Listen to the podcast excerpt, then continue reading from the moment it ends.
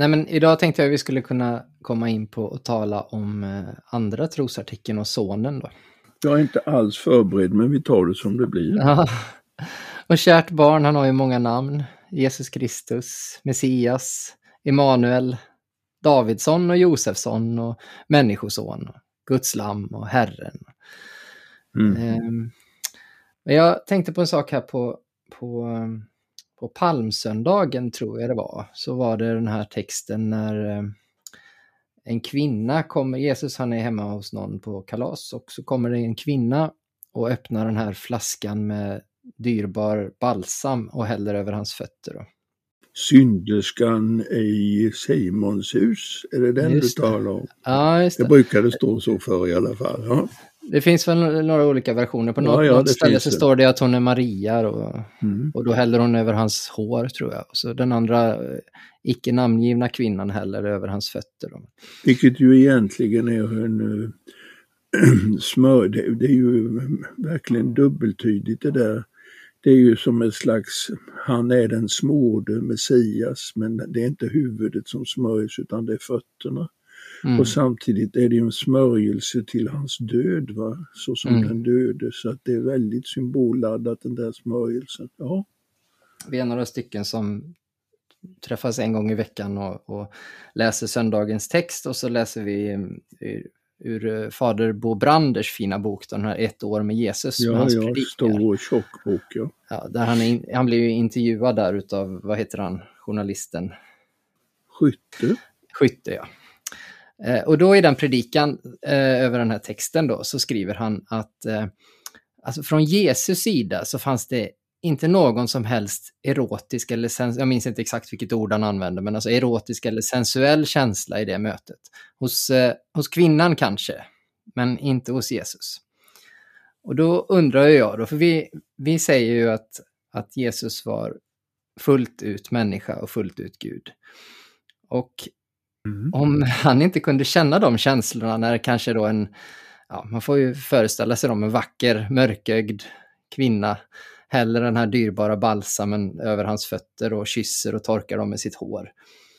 Om han inte kunde känna de känslorna, eller fick de känslorna, var han då verkligen Vilka människa känslor fullt tänker ut? du på då? Ja, men alltså, jag, jag menar ju inte att han, han ville ha henne och, och skulle lägra henne där. Och, Du menar rent av fysisk attraktion? ja, Men- jag, jag, tror inte att han ville lämna sitt uppdrag och bli snickare i Galileen då och gifta sig med henne och få barn och så. Men Det Men kan man vara- Det vore väl en högst rimlig tanke. kan, kan man vara människa fullt ut utan att den kroppsliga attraktionen finns där? Och då tänker jag som, eh, ja men du, du brukar säga att det som inte antagits av Jesus då, det kan inte heller frälsas av honom. Men jag, jag vet inte, jag kanske är en heretiker nu när jag, när Det jag säger tror så jag, det tror jag inte alls. Det tror jag inte alls. Det där som du sa att jag brukar säga, där har jag verkligen en, nog en stor teolog bakom ryggen och det är Gregorius av Nazians och det säger han i förhållande till Apollinarius, en av dem som eh, eh, i, i de, när, man, när kyrkan försöker få eh, en intellektuell förståelse av sin bekännelse och, eller när man försöker konceptualisera hur man ska tänka förhållandet mellan det gudomliga och mänskliga Jesus så föreslår han alltså att han, säger, han föreslår att de högre själsförnuften, själsförmögenheterna, det är det gudomliga och det lägre då, alltså det kroppen och det lägre, det är det mänskliga. Apollinarus säger det här. Ja, det, det, det så har jag fattat i alla fall. Mm. Jag menar, han gjorde väl så gott han kunde utifrån sin tids föreställningar, men, men eh, Gregorius av Nazians är mycket skarp och han säger att är det någon som to- tänker något så tokigt så förtjänar de inte frälsningen. Och så är det detta, för det som inte är antag, det som inte har antagits i inkarnationen, i Kristi person, det blir heller inte frälst. Och det tycker jag är, det är en av de här, det kallar jag för det soteriologiska kriteriet. Och det tror jag man, man kan använda när det gäller kristologin överhuvudtaget. Om vi menar att Jesus Kristus är sann människa, då är inget mänskligt honom främmande utom att synda. Och det kan vi tala lite om senare men det är klart att om det kommer en ung vacker kvinna som doftar, som är vacker och som smeker honom och, och det, vad hon har för känslor det, det vet vi inte. Om hon är en prostituerad som är en, eller om hon är en call girl eller så, det vet vi inte. Om det är hennes yrke liksom att, att eh, behaga en man.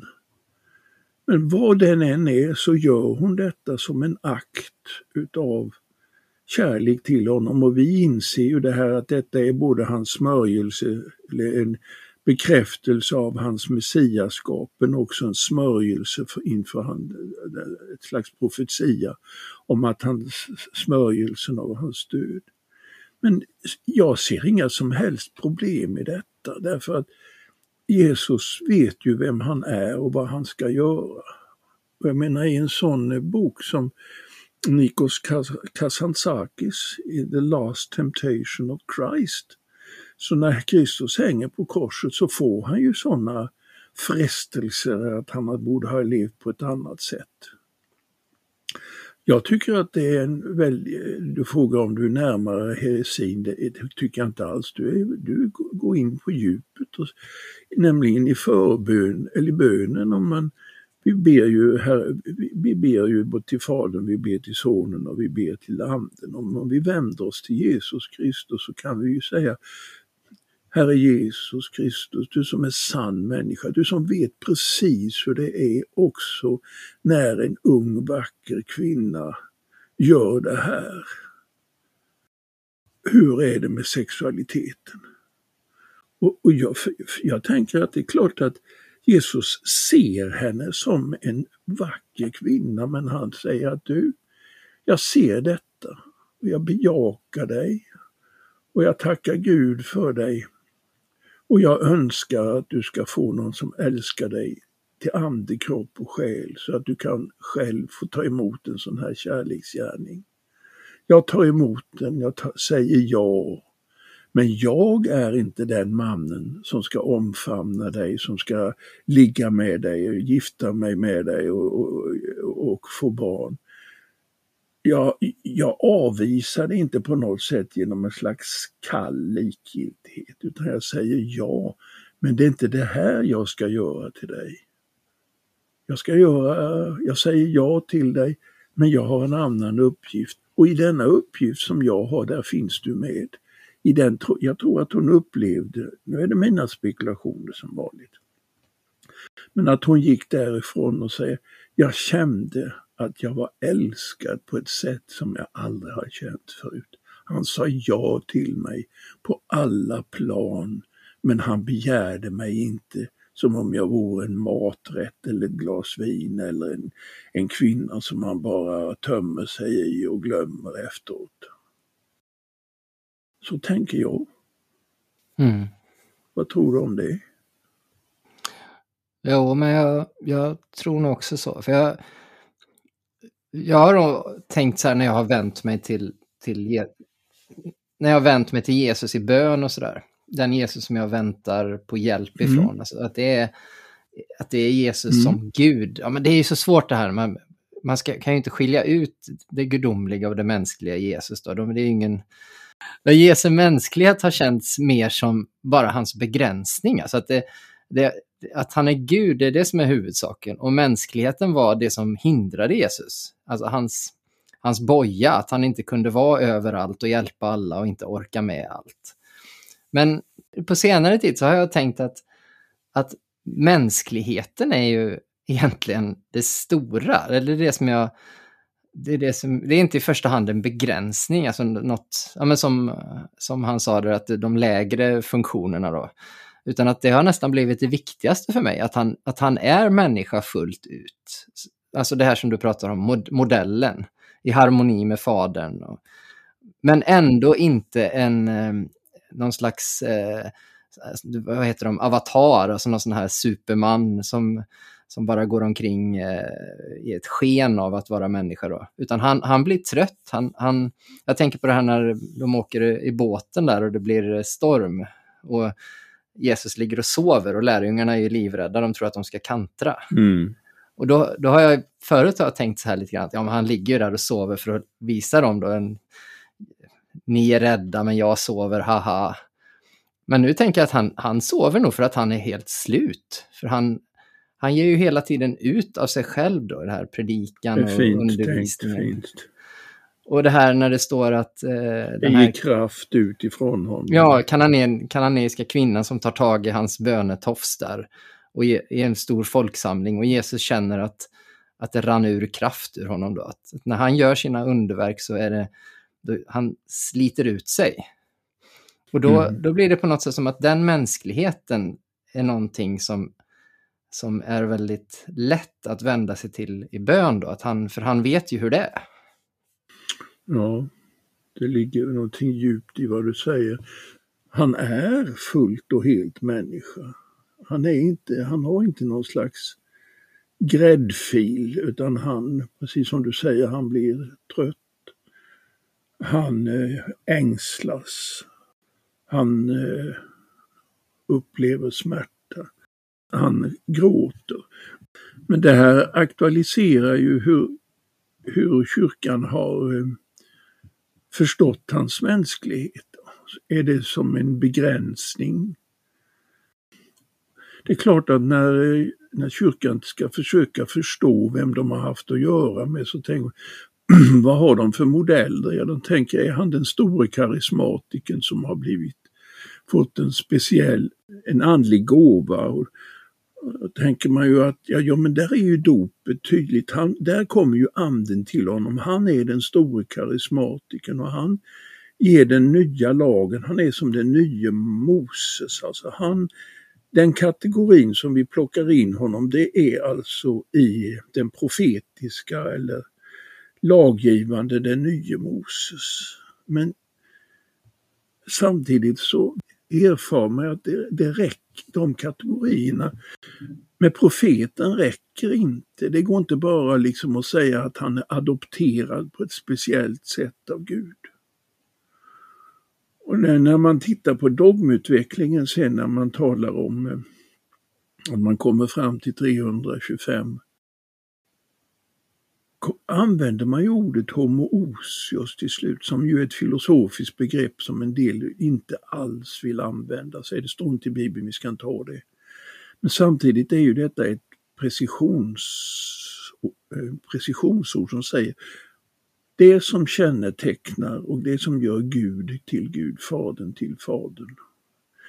Alltså det gudomliga, det har Jesus del i. Han är av samma väsen som Fadern. Det är, det är det vi måste säga om Jesus Kristus. Och då har man liksom satt sigillet under att Jesus är gudom. Han är inte gudomlig i någon mening, utan han är Herren, han är Gud. Mm. Men så kommer ju nästa fråga, vad ska vi, hur ska vi få ihop det där att han var, han blev trött, han dog på ett kors. Och så försöker man då säga sann Gud och sann människa i en person. Och sen är den grubblar kyrkan, nu ska vi söka få ihop detta, vilket ju är en stor paradox, men en underbar paradox alltså.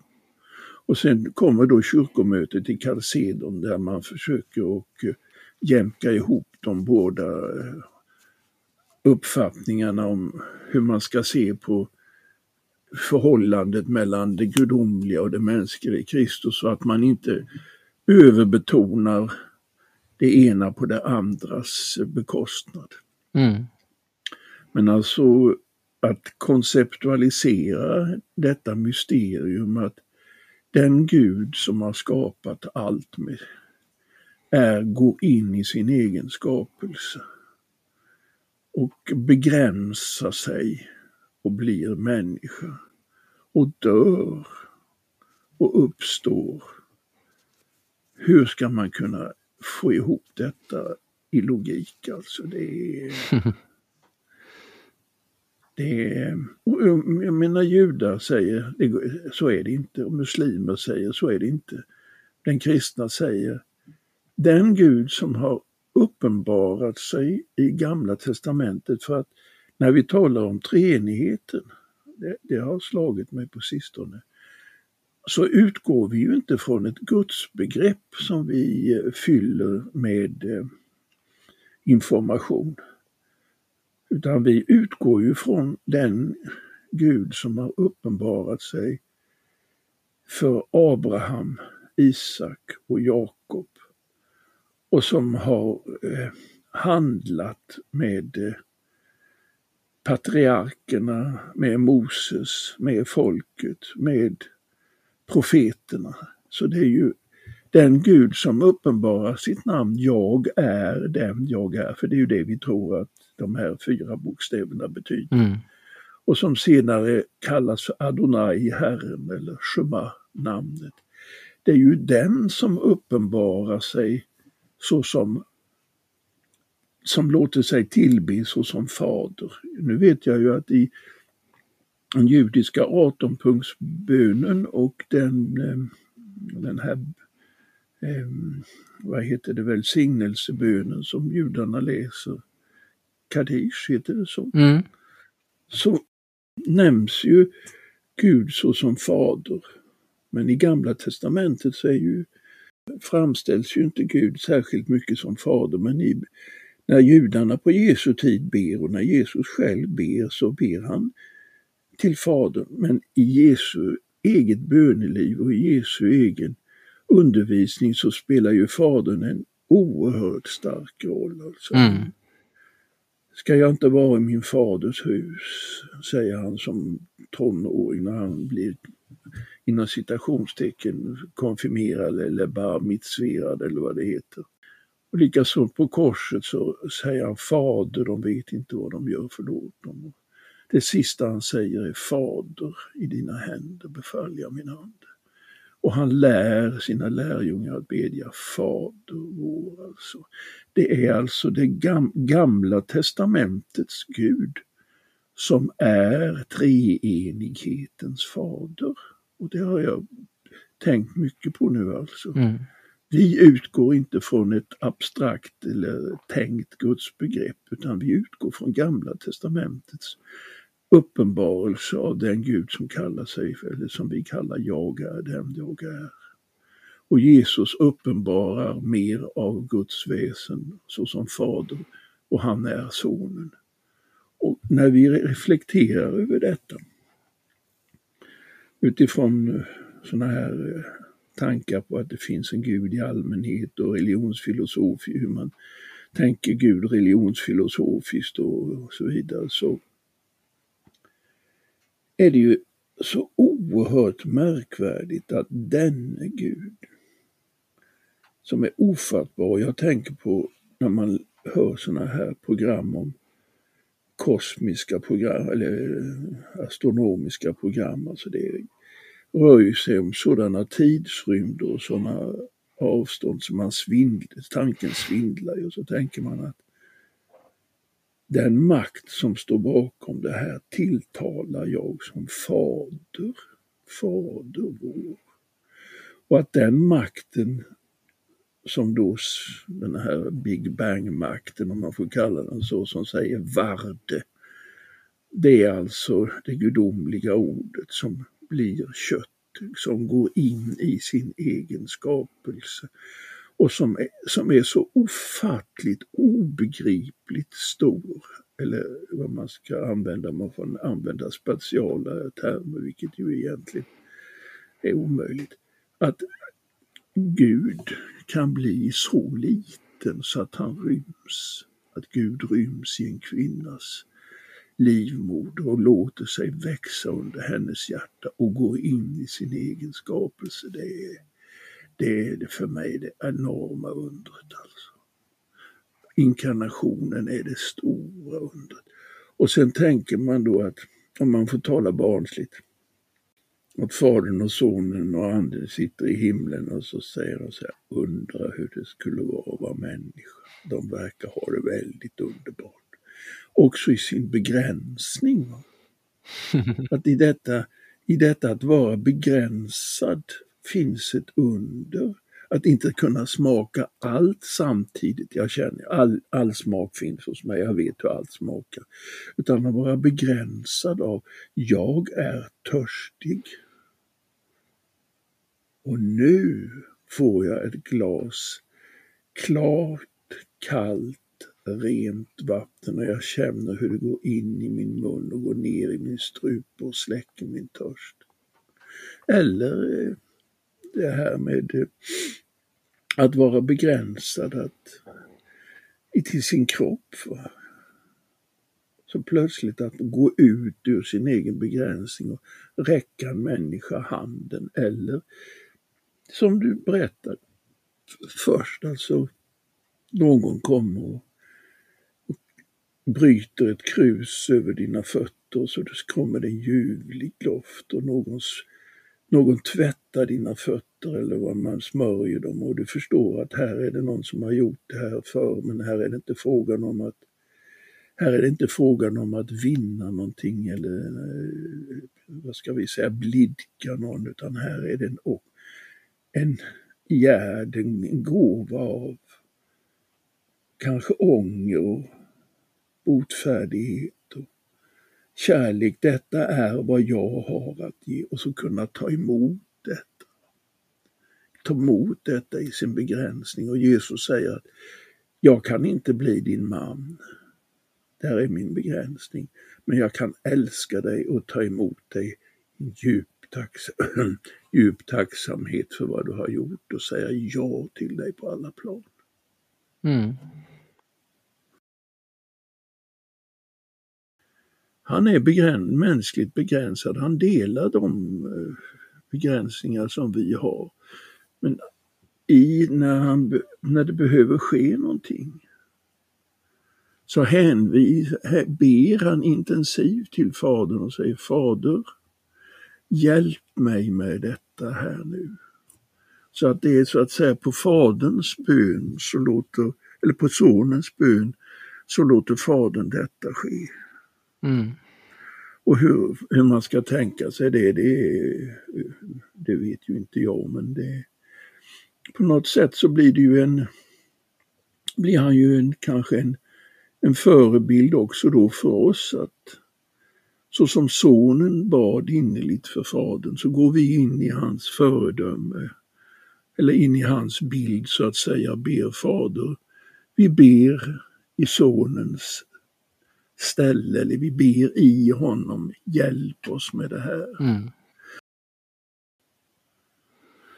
Men alltså jag tycker det är så fint Markus när du säger detta att, att du reflekterar över Jesu mänsklighet, hur det är att det inte är en begränsning samtidigt som det är en, någonting som gör att han kommer dig nära. Mm. Ja, men det är, ju, det är ju en begränsning, men den är ändå... I, I sin begränsning så lever han ändå i, i faderns vilja på något ja, sätt. Precis, precis. Och det finns ju de här, det finns ju några apokryfiska skrifter, jag vet inte om det är Thomas evangeliet eller något av de här väldigt sena apokryfiska skrifterna där där Jesus så här svävar 10 centimeter över marken. Och jag tror till och med så att i något av de där så står det att dörrarna öppnades automatiskt för honom när han närmade sig. Och, eh, och det här att han var, det var som ett, bara som ett mänskligt sken, men han var ju egentligen en slags superman. Och... Det, det är också den här, vad ska vi säga, doketiseringen utav Jesus. Va? Mm. Att han, eh, det är ju, från början finns ju de här eh, eh, tendenserna att man har överdrivit hans mänsklighet. Alltså i, i den meningen att man har underdrivit hans gudomlighet. Mm. Och sen så har du den motsatta tendensen där man så att säga har överdrivit hans gudomlighet på bekostnad av hans mänsklighet. Och då har ju du det här med att dörrarna som öppnar sig eller jag vill minnas att till och med hos Birgitta i de här visionerna av hans födelse stod det att jag såg inte med vilken kroppsdel hon födde. Och det var som om ljuset gick igenom en ruta, en glasruta. Och då tänker jag, nej men vad nu då? jag måste få tro alltså som barnmorskans son att Maria har, även om det finns lättare och svårare förlossningar, så jag menar han, Jesus, föds på ett vanligt sätt. Mm. Ja, det, det, han går inte igenom hennes kropp som om han vore en, en, en ljus i en ruta, utan han föds på det sätt som du och jag är födda. Det tillhör, mm det tillhör det, hans sanna mänsklighet och det är också detta if you, if you prick us do we not bleed. Det gjorde han ju, han blödde ju verkligen ur hans sida kom blod och vatten därför att han var människa som du och jag. Kan du belägga allt det där som du sa just nu att Jesus kände så när den här synderskan i Simons hus gjorde? Nej, det är klart att jag inte kan. Det står ingenting om Jesu inre liv där. Men jag kan föreställa mig att om jag har en tro på Jesus som sann människa, en som hela tiden är inriktad på att, att leva i eh, att förverkliga hur man ska vara för att vara helt och fullt Guds avbild och Guds like. Guds, för människan är ju skapad till Guds avbild för att uppnå hans likhet. Och den, hans likhet den, den finns ju i, i Jesus Kristus. Han är ju den som, vad han gör är det ju perfekta, så som Gud vill att det ska vara. Och han gör ju det perfekta i förhållande till den här synderskan. Han tar emot henne och omsluter henne med den kärlek som Gud omsluter henne med utan att på något sätt liksom kränka henne och säga just det där var lite, det där kan jag inte ta emot utan man tar emot det hon har att ge. Utan att på något sätt, vad ska vi säga, vilja bemäktiga sig henne och använda henne som ett medel för sin egen tillfredsställelse. Kan man säga att eh, bibelordet eller det, evangelierna är ju det som är grunden och det formar vår tro, trosinnehållet då, det som du pratar om, trosregeln och, och bekännelsen. Men sen när vi kommer tillbaks till bibelordet så har vi med oss den här korgen, eller man ska säga, det här, den, eh, förståelsen av vad det handlar om och, och, kan möta bibelordet. Jag tror att om du har ramarna klar för dig, förutsättningarna, så är det ungefär som ett musikstycke. Om du, om du spelar i S-dur så är det 3B. Och det går igenom hela, eh, hela musikstycket såvida du inte ändrar det till någonting annat. Och likadant är det, vi tror att Jesus Kristus är sann Gud och sann människa. Det går igenom allting. Och utifrån det här då så förstår man ju att det är viktigt med, eh, med jungfrufödseln då, att det inte var någon man inblandad då. Du köper inte det här som, vad var det, förrförre ärkebiskopen som sa att eh, Maria var en teologisk jungfru? Nu vet jag inte vad han menade med det.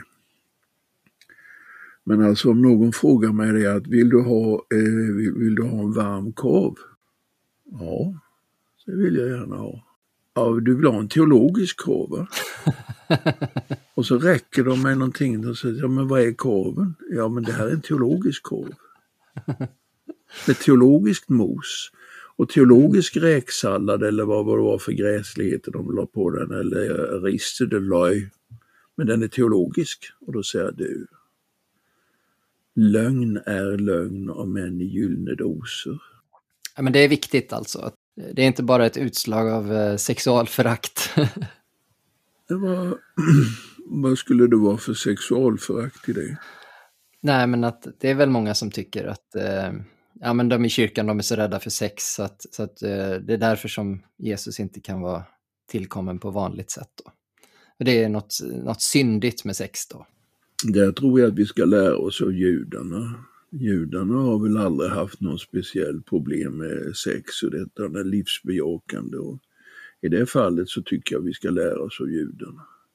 Men poängen med jungfrufödelsen är ju om man ser hur, hur kyrkofäderna utlägger detta och där har ju bland annat då, jag är ju inte alls någon expert på detta, men jag har råkat läsa vad Ireneus säger om detta. Att, mm, Ireneus säger ju att så som den första människan skapades utav den jungfruliga jorden, det står ju att människan skapade den här människan av stoft, så skapas den nya människan, den nya mänskligheten av så att säga jungfrulig mark.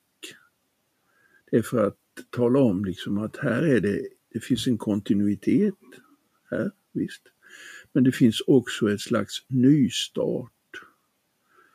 Marie, det är ju inte så att Jesus kommer ner från himlen som någon slags i någon liten kapsel som någon stålman här från eh, som de hittar på någon åker där. Stålmannen från krypton. Han är ju liksom erratisk, han kommer ju helt, det finns ingen förbindelse bakåt. Men med Jesu födelse är det ju så att det finns en kontinuitet i och med att han är, kommer, han, han växer i en kvinnas liv och föds genom henne. Där är kontinuiteten. Men samtidigt så gör Gud ett nytt, ett under i hennes liv. Jag har trott så i alla fall och jag man kan naturligtvis, om jag tänker, det är ju inte alla teologer som tänker så utan de menar det att den stora poängen är ju att, ehm, att i den här stora evolutionära processen så i ett ögonblick så låter Gud adoptera han just en det här och säger att den människan ska bli den som så att säga eh, på, på vilken den gudomliga närvaron fokuseras och, och så vidare. Och så vidare. Men jag, Bibeln berättar inte så.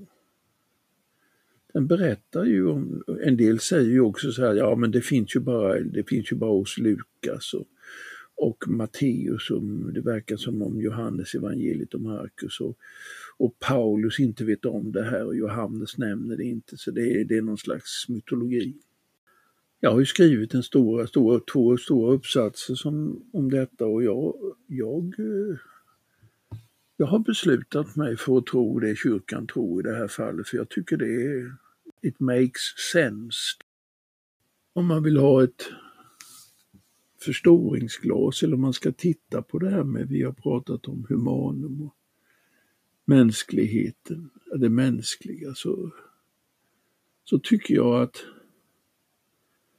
jag utgår ju från att Jesus Kristus är sann människa i hela sin totalitet och att han, att han är den mogna människan som vet om begreppen och vad det innebär att vara människa och som har alla de här eh, impulserna och passionerna inom sig men som har ordning på detta så att säga i, i rätt hierarki så han kan säga det att det är väl utmärkt att ha ett eh, regelbundet sexualliv med den här kvinnan där, men det är inte det jag ska göra. Jag har annat att göra. Det betyder inte att jag säger nej till detta och förkastar och säger usch, ta bort det. Jag säger det finns. Men jag ska inte göra detta. Jag, men du däremot kan göra det. Det går in, ingår i ditt liv. Gud välsigne dig och lev i detta. Jag ska inte göra den och den saken. Men det betyder inte att jag säger att jag avvisar det.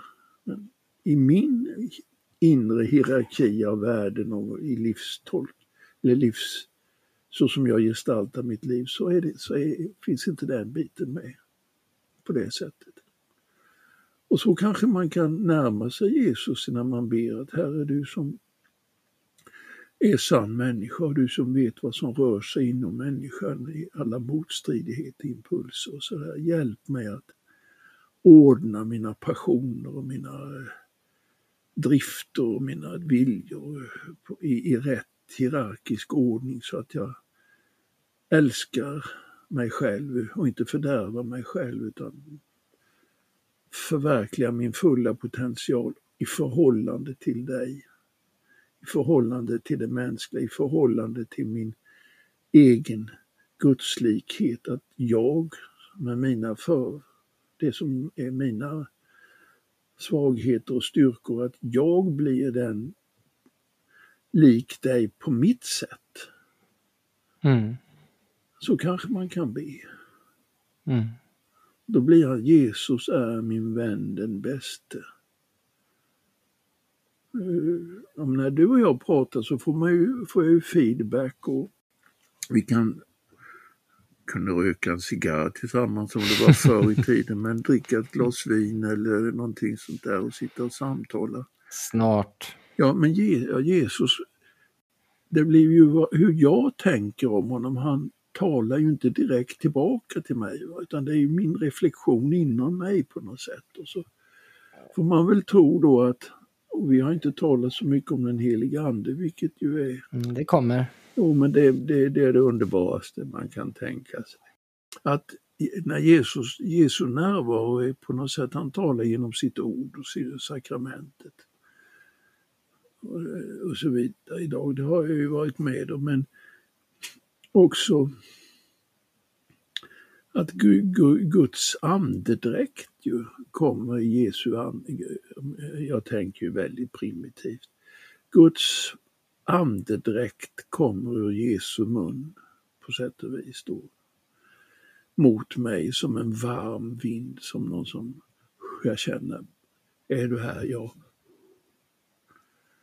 Och så är det väl så att Jesu ord, alltså det som vi minns av honom, det blir levande i när anden kommer till oss.